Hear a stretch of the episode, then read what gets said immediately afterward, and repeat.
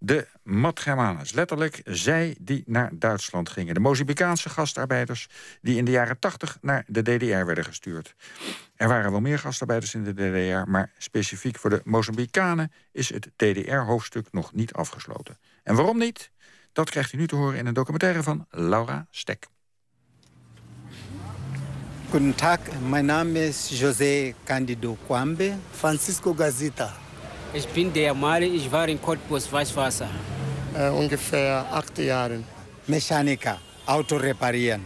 In Weimar, Weimar Noord. Het begon met een fototentoonstelling in Berlijn. In de grote hal hingen oude promotiefoto's van DDR-fabrieken en hun medewerkers. Op één foto was een vleesfabriek te zien, met achter de loopband donkere mannen in gele overals. Een opvallend beeld in de grauwe en vooral blanke DDR-wereld die ik kende uit de standaard geschiedenisboekjes. Dat het zoveel waren had ik me nooit gerealiseerd. Eind jaren 80 had de DDR zo'n 200.000 gastarbeiders. Uit bevriende landen als Cuba, Vietnam, Algerije en Angola. Ongeveer 16.000 kwamen uit Mozambique. En deze groep is nog iedere dag bezig met het DDR-verleden.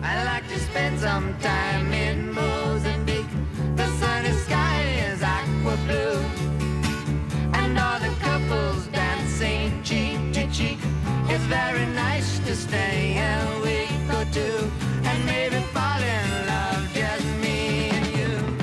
Het idyllische Mozambique dat Bob Dylan bezingt, heeft weinig te maken met de huidige realiteit. Het behoort tot de drie armste landen ter wereld.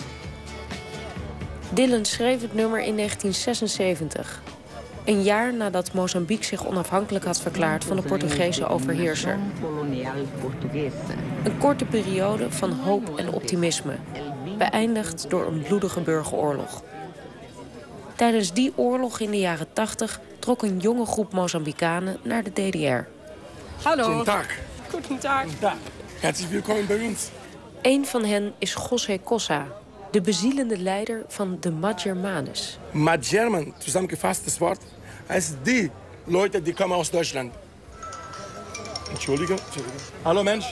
Kossa is een imposante verschijning. Zijn vooruitstekende borst is gehuld in een t-shirt met Germany erop. Hij maait druk met zijn armen als hij praat. Ik tref hem in het centrum van de hoofdstad Maputo. Ja, dat is het hoofdkwartier van ons hier. Ziet u die vanne? Ja, hier hangt de DDR-vlag. Het waait vandaag, dus hij wappert mooi. Onze geschichte vindt hier. We nemen dat als een heiligdom van ons. Hij noemt het het heiligdom. Dit is een parkje waar alle genau, mag rückkeer, je mag vertragsarbeid blijven. Hier komen alle Magermanes samen. Und ist das äh, jeden Tag, dass Sie äh, genau, zusammenkommen? Genau. Wir überlegen als unsere Strategie, was wir denken. Alles wird von hier gemacht. Jeden Tag. In dit provisorische openluchtkantoor komt het bestuur van de Duitse gastarbeiders iedere dag bij elkaar. Hier bedenken ze nieuwe strategieën voor hun strijd. Want strijden, dat doen ze. Al bijna 25 jaar. Seitdem wir verlangen das. Wir haben unser Verdienst schon längst in Deutschland verdient. Und was wir in Mosambik überwiesen haben. Wo ist das? Waar is ons geld? Het is een veelgehoorde vraag in het park. Of leus, moet ik eigenlijk zeggen. Iedere woensdag gaan Magermanus de straat op. Met diezelfde vraag aan de regering. Maar dan iets scherper geformuleerd. Wir sind Schiffwörter gegen die Regierung. Wir sagen alles, was möglich ist. Verdammte Schwein, Gauner, die haben unser Geld geklaut, sie sind Krokodilen. Und wir sagen das alles.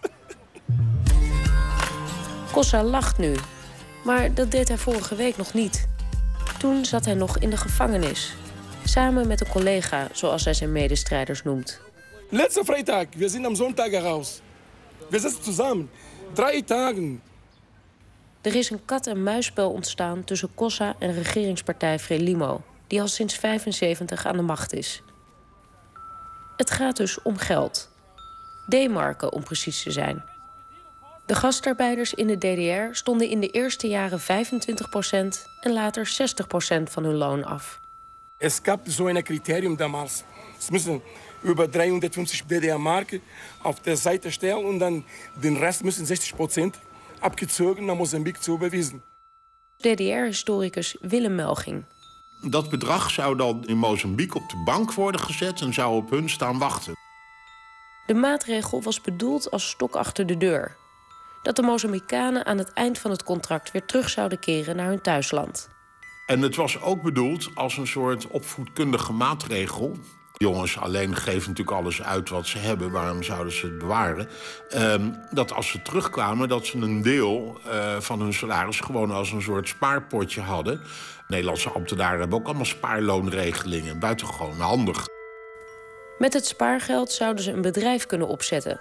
En misschien wel de nieuwe elite van Mozambique kunnen worden. Die idee war dus, wenn ihr in Mosambik seid, ihr würdet so gut leben, ihr könnt vielleicht so eine kleine Werkstätten bauen, ihr würdet zelfs besser Privatunternehmen in Mosambik met dieses Geld. En dat is een droom die in rook is opgegaan. En dat is wel heel triest om te zien, ja. Want het spaargeld verdween.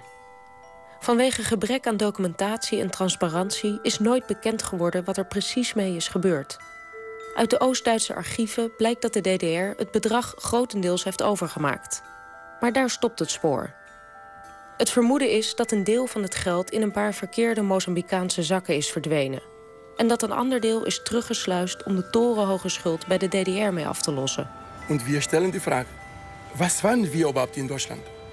So ein kleines Objekt, statt Sklaven, um Schuld zu zahlen? 25 Jahre, unsere Jugendschaft ist schon vorbei. Ne? Und wir warten noch bis heute dieses Geld. We hebben onze jeugd gegeven en waren staatsslaven zonder het te weten, zegt Kossa. Maar zo begon het natuurlijk niet.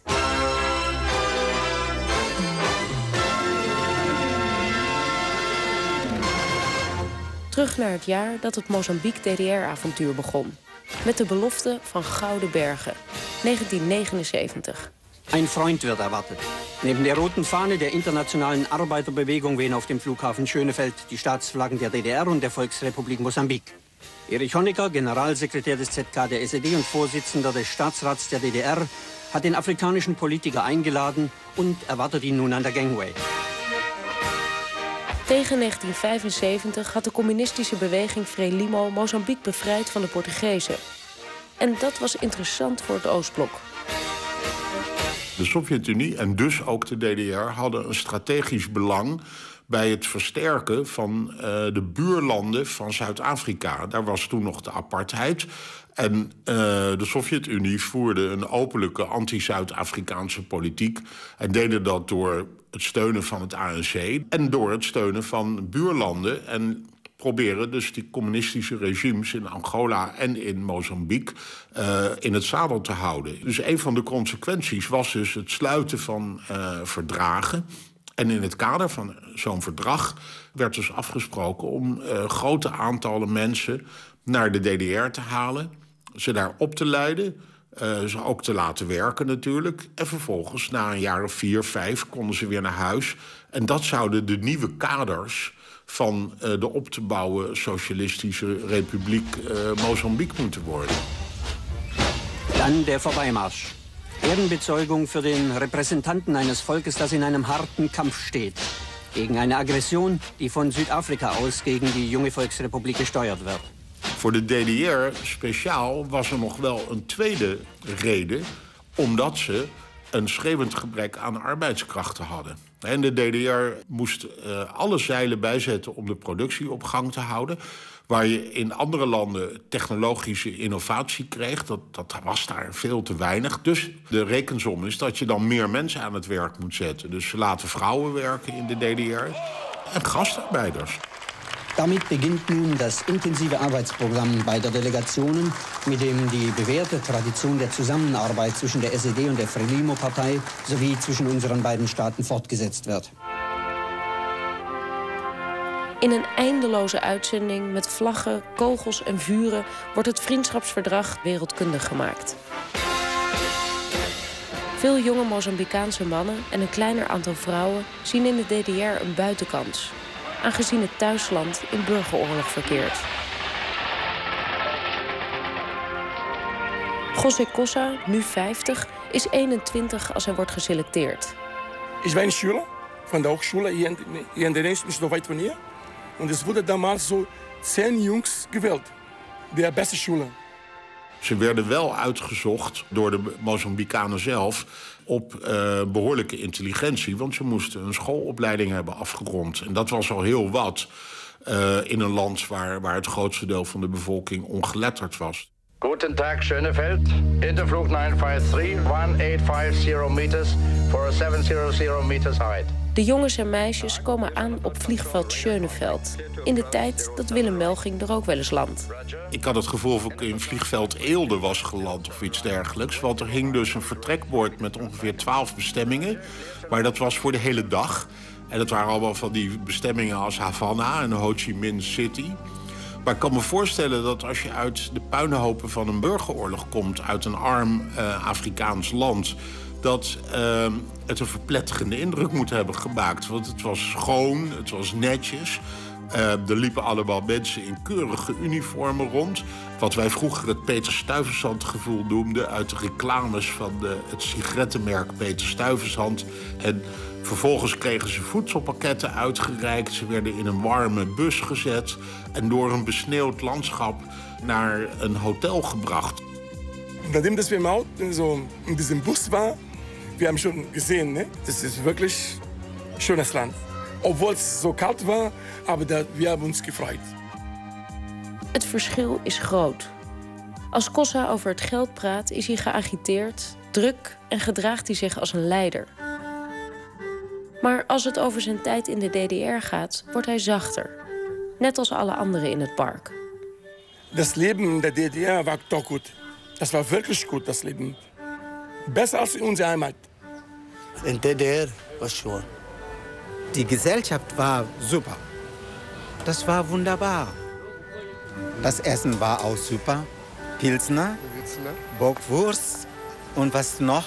Spinafre. Dieses Salami. Salami und, und, und, und ja. Deutsches Essen war nicht schlecht. Wirklich gutes Essen. Dit is José Candida, samen met een collega die hem verlegen naechoot. Candida is een kleine man met een vrolijk vol gezicht. Jemand hat zu mir gesagt, ich sehe so aus wie Roberto Blanco. Das war ein Sänger. Net als José Cossa leert hij zijn bijna perfecte Duits tijdens een verplichte talencursus van zes maanden. Bij het wc-hok hangt een vergilde kaart van de DDR. En Candida laat zien op welke plekken hij heeft geleerd en gewerkt. Zum ersten Mal bin ich hier in Dresden angekommen, habe ich dort die deutsche Sprache gemacht, sechs Monate, und dann eine Reise gemacht nach Norden. Habe ich dann hier in Rostock Kfz-Schlosser gelernt ne? und gearbeitet auch, Geld verdient. Und dann, nach dem Ende bin ich dann untergekommen, Richtung Suhl. Das ist hier, Thüringer Wald. Dus hij laat zien dat hij helemaal in het noorden is begonnen. Of nee, in Dresden is begonnen. Dresden. Toen helemaal het noorden is gegaan naar Rostock. Toen naar het zuiden. Mhm. En toen weer Dan terug naar na- naar Berlijn. Ze kwamen gewoon in van die, die grote Oost-Duitse bedrijven, van die volkseigene betrieben. De, de combinaten heette dat in die tijd. Dus dat waren enorme concerns. Dus dat was veel zware industrie. Was natuurlijk ook de bedoeling om zo'n land als Mozambique ook te industrialiseren. Dat paste gewoon in het eh, marxistische kookboek van hoe maken wij een socialistische economie. Eh, dus de helft kwam ongeveer in de zware industrie terecht. Een deel eh, in de wat lichtere industrie, dus consumptie-industrie. Ehm, sommigen kwamen in de scheepsbouw in Rostock terecht. En de vrouwen veelal in, in de textielindustrie of in elektro. Candida krijgt werk bij een autofabrikant als monteur. Daar moet hij direct meedraaien in het Duitse werkritme. En het is een cliché, maar aan één ding moet hij toch even wennen. Die Punktlichkeit.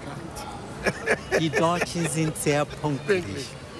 Also da habe ich manchmal Ärger gehabt, wenn sie sagen, die Arbeit fängt um sieben, also musst du fünf Minuten eher schon auf deinem Arbeitsplatz da mit dem Uniform und so weiter. Ze draaiden volledig mee in ploegendiensten. En dat zo'n zo'n ploegendienst, een arbeidscollectief... dat is in de DDR was dat de, de ultieme socialisatie. Dat was, je had je familie en je had je uh, arbeidscollectief. En daarin draaiden ze dus ook mee. En ze deden ook mee in, in uh, sportwedstrijden en dergelijke. Schöne Kopfballablage van Minge auf Kirsten.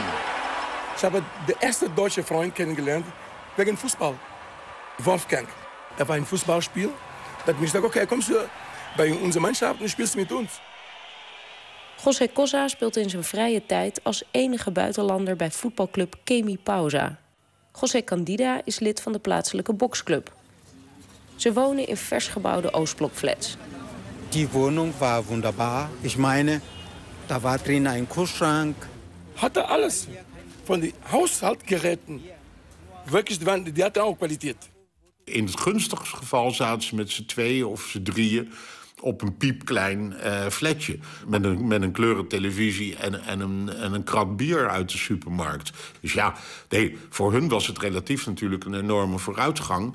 En in de propaganda werd daar dus ook wel uh, reclame mee gemaakt. Sie hat uns alles gegeben, Sonne und Wind, und sie geizte nie. Wo sie war, war das Leben. Was wir sind, sind wir durch sie. Het feit dat de DDR een totalitaire, repressieve staat is, speelt geen rol in het leven van de Mozambicanen. Das war für die Deutschen Problem. Das war nicht unser Problem. Was schief von das politische Problem. Die Menschen haben alle Recht gehabt. Zu Arzt, zu arbeiten, die Kinder zur Schule, Schule zu gehen. Alle diese Rechte. Denn wer kämpft für das Recht, der hat immer Recht gegen Lüge und Ausbeuterei. Toch worden ook de gastarbeiders in de gaten gehouden door de Stasi. Of ze wel keurig opgaan in het socialistische systeem. Maar ironisch genoeg pakt die geheime controle voor José Cosa juist positief uit. Tijdens de Dag van de Arbeid krijgt hij een medaille uitgereikt. Ik had zo een medaille gekregen van de ehemalige tweede man van de SED. Horst Zinderman. De beste Ausländer im Sozialismus. De beste buitenlander in socialisme.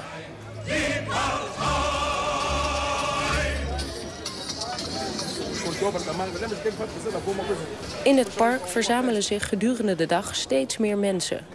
Waaronder ook een paar vrouwen. Sommigen een tikkeltje militant met Duitse pet en overlevingsbroek. Anderen verlegen in een hoek. Ik ben... Zoals Ilda. Haar Duits is een beetje weggezakt. Maar gelukkig is José Cossa ter plekke. Ik ben Ilda, ik ben Ilda. Esmaal, ik ben Ilda Melembe. Ik ben Ilda Melembe. Melembe. Und dann, Ich scheiß. ich bin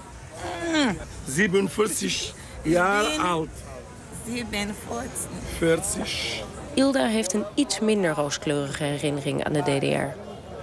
Zij behoorde niet tot de selectie die een opleiding kreeg, maar werd puur ingezet als werkkracht in een grote televisiefabriek in Oost-Berlijn. Daar werd haar gehoor ernstig aangetast. Foi pouco difícil porque eu não sabia falar o coisa o alemão quando eu estava de baixo. Eu mas estava só com coisa Daarnaast zag ze sommige vriendinnen na een aantal maanden weer vertrekken. Voor uh, de dames onder hen was het strenger. Omdat als ze zwanger werden, konden ze kiezen tussen abortus of uh, weer terug naar huis. Wenn diese mosambikanische Frau plötzlich einen Mann kennenlernt und wird sie schwanger, sofort, die muss zurück. Das war eigentlich auch nicht richtig gedacht. Ne? Liebe gehört zu der Freiheit der Menschen, natürlich. Liefde behoort tot de vrijheid, zegt José Candida. En daar maken de Mozambicaanse jongens gebruik van. Dat leidt soms tot jaloezie bij de Duitse jongens. En dan specifiek bij de plaatselijke skinheads. Viele von uns haben sie verwickelt in Progerei mit den Skinheads und so. Aber ich, Gott sei Dank, ich habe mich versucht, mit besseren Leuten zu leben. José lijkt zich er niet veel van aan te hebben getrokken. Dit gebeurt er als ik de Oost-Duitse meisjes ter sprake breng. Die Kollegen.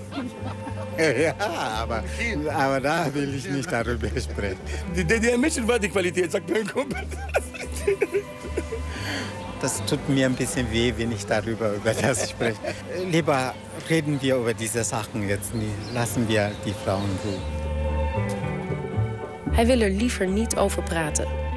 Dat doet nog steeds een beetje pijn. De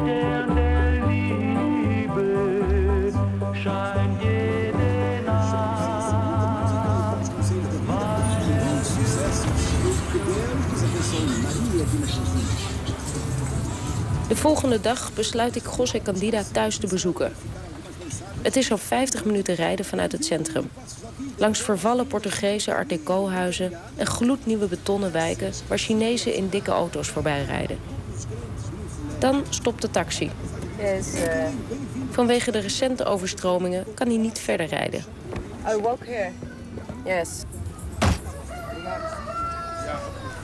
Aan de andere kant van de modderpoel ligt een grote zandvlakte... met af en toe een huisje. Waaronder dat van José. Hier wohne ich. Das ist dieses. Zurzeit habe ich nur diese, nur, wie ich gesagt, noch nicht fertig, aber fangen wir hier an. Das ist die Küche hier. Ja, da wohnen wir. Het is keurig ingericht. Met een sierkabinet, schilderijtjes en een goed gevulde boekenkast... met onder andere Das Kapitaal en een Oost-Duits kookboek. Diese Papier hier sind auch nicht organisiert, aber das sind alle Papier, die haben mit meinem Vertrag zu tun.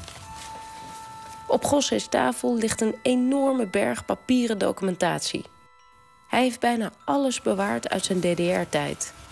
Ich habe sogar die Tickets, die erste Flugticket habe ich hier. Vliegtickets, Hmm. waarmee hij naar Duitsland is eh, Ja. gevlogen. Mein Lohnschein. Een loonstrookje ligt er. Ah, du kannst wie viel ich abgezogen worden. Das war ein von den Passport, die ich dann benutzt habe hier. Ein Sparbuch. Ah, Siehst du die Urkunde hier? hier is een foto met José met drie blonde vrouwen. En die vrouwen kijken heel geïnteresseerd. Ja, weil ich immer sehr gern erzähle, unterhalte und so. Hier heeft hij inderdaad nog een, eh, een, een, een afro Ja. Huh? Und hier, met een brilletje. ja, weil ich dann habe ich Probleme gehabt durch die Schnee, dieses Weiß. Er liggen ook honderden brieven.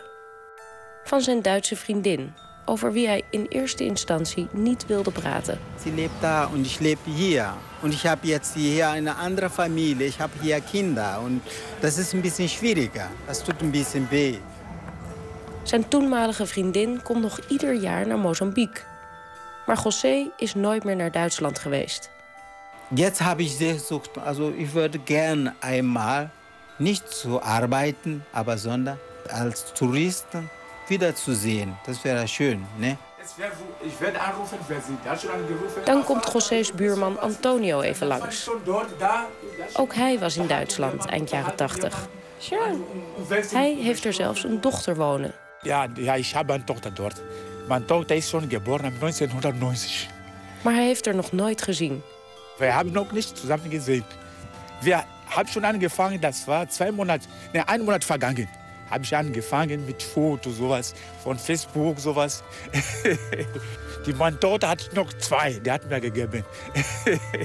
ja, so Also ist, een opa. ja ich, ich bin schon Opa. Vater und Opa in derselben Zeit. De mannen zijn duidelijk in een melancholische stemming. En daar hoort natuurlijk een passend nummer bij. Sag mir auch. Wie, er ist auch noch ein Lied. Die- Ja, genau. Er wordt even een platenspeler gepakt. Siehst Wow. du, das ist Gerd Christian. Das ist der Sänger aus der ehemaligen DDR. Gert Christian. Ja.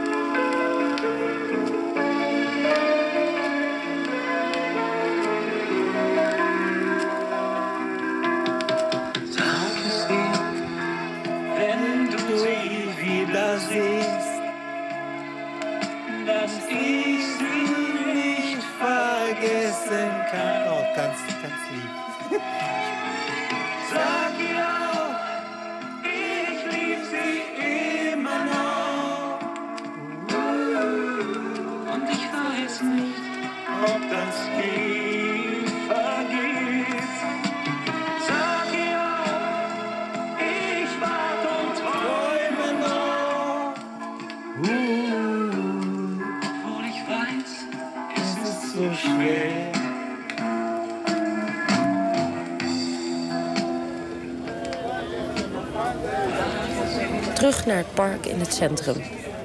Normaal gesproken is het demonstratiedag. Maar omdat Kossa net is opgepakt, hebben ze geen toestemming van de politie. Wir gehen zur Polizei und wir sagen, okay, wir ab nächste Woche, de, wir werden am 4. erstmal in der Polizei informieren. Und die kommende Woche Mittwoch, wir sind auf die Straße.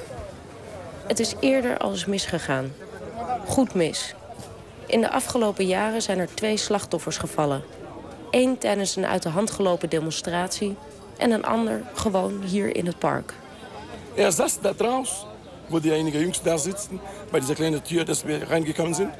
Da saß dann kommen so ein, eine blöde Polizist mit ein paar Worten ihn erschossen. Wir machen Ihnen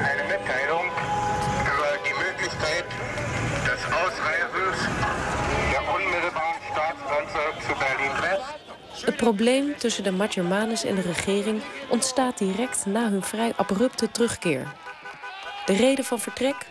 De val van de muur. Mit meiner Freundin war ich da. Ganz? An dem Tag war ich da. Ich habe doch, doch mit Deutschen auch sogar solidarisiert. Ich wollte sogar die Deutsche auch frei. Ich wollte sogar auch Deutschlandvereinigung. Ich habe wirklich gefreut. Es war so ein neu, Anfang des neuen Geschichte. Wat ze tijdens het feesten nog niet weten... is dat de consequenties voor henzelf niet erg gunstig zullen zijn. Na de val van de muur is het onduidelijk wat er met hun contract gebeurt. De meeste Oost-Duitse fabrieken gaan failliet... en de gastarbeiders worden vaker dan voorheen vijandig benaderd. Erstmal haben sie gesagt, erstmal die Ausländer raus, damit wir über unsere Sachen kümmern. Ne? Kijk, dat na 1990 het heftiger wordt, daar is een hele simpele verklaring voor.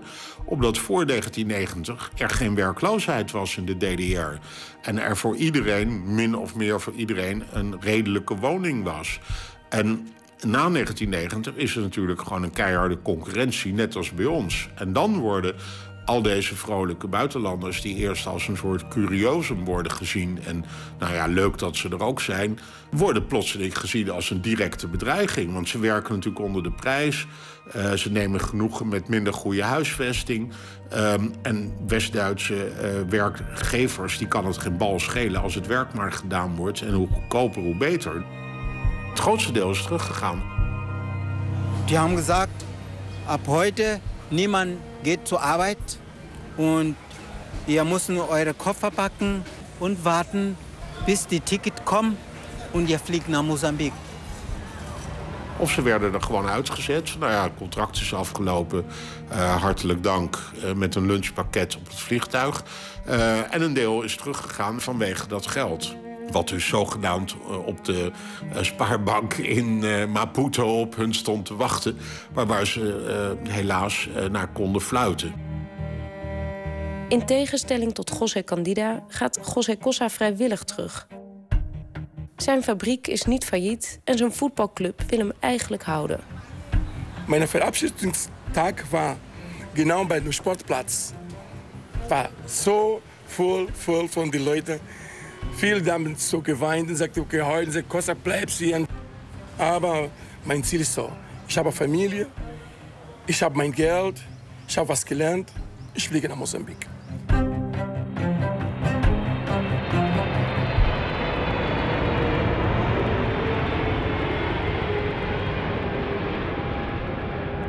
Eenmaal terug in het thuisland is de deceptie groot. Van het spaargeld is geen spoor en ook de opleiding blijkt geen garantie te bieden voor een baan. Als wir hier zurückgekommen, wir haben die Hoffnung, dass wir eine Arbeit bekommen, weil wir qualifiziert, ausgebildet Leute sind. Aber das war die zweite Enttäuschung. Die Regierung hat uns nicht geholfen. Niemand hat uns geholfen. Doordat ze weg zijn geweest op een cruciale leeftijd... waarin je je netwerk vestigt, waren zij weg. En dat heeft niks opgeleverd, want ze dachten... als we terugkomen hebben we centjes. En dan beginnen we wel een bedrijfje of we, kopen een huis of wat dan ook. En er is nog een derde probleem. De Mozambicanen die thuis zijn gebleven hebben weinig begrip voor de onvrede van de Majermanes. Die waren het vliegtuig uitgekomen met tassen vol Duitse walkmans en stereo's. Terwijl de rest het leed van de burgeroorlog moest meemaken. En dan ook nog zeuren om geld. We hebben nur Schiffsfahrt erhalten als verdienst. Te mondig en te veel eisend. De term Majerman werd eerder een negatief dan een positief visitekaartje. Ah, sie sind mein Germanen, weil sie verlangen das und das. Sagt so viel, der reklamiert so viel, der, der bringt uns Probleme im Betrieb. Aber es steht in dein Recht, um die Wahrheit zu sagen. De meesten zijn werkloos gebleven. En daarom hebben ze extra veel tijd voor de strijd. Es muss doch kommen. Mein Geld von 1990 muss doch kommen. Meine Kinder werden diesen Kampf weitermachen, weil das, ist, das hat mit Menschenrecht zu tun. Kossa verklapt wel dat het binnenkort tijd wordt voor plan B. Plan B. Das bleibt unter dem Geheimnis. Aber wir werden was machen.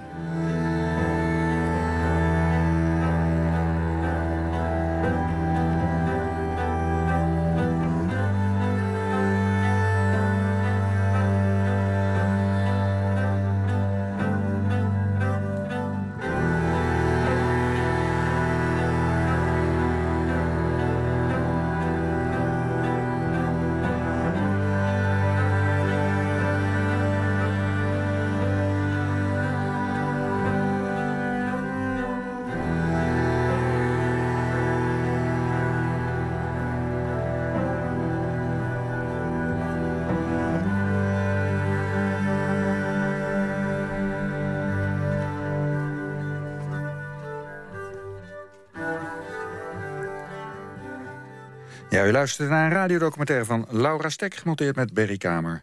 En wie weet horen we ooit nog wat plan B precies behelst.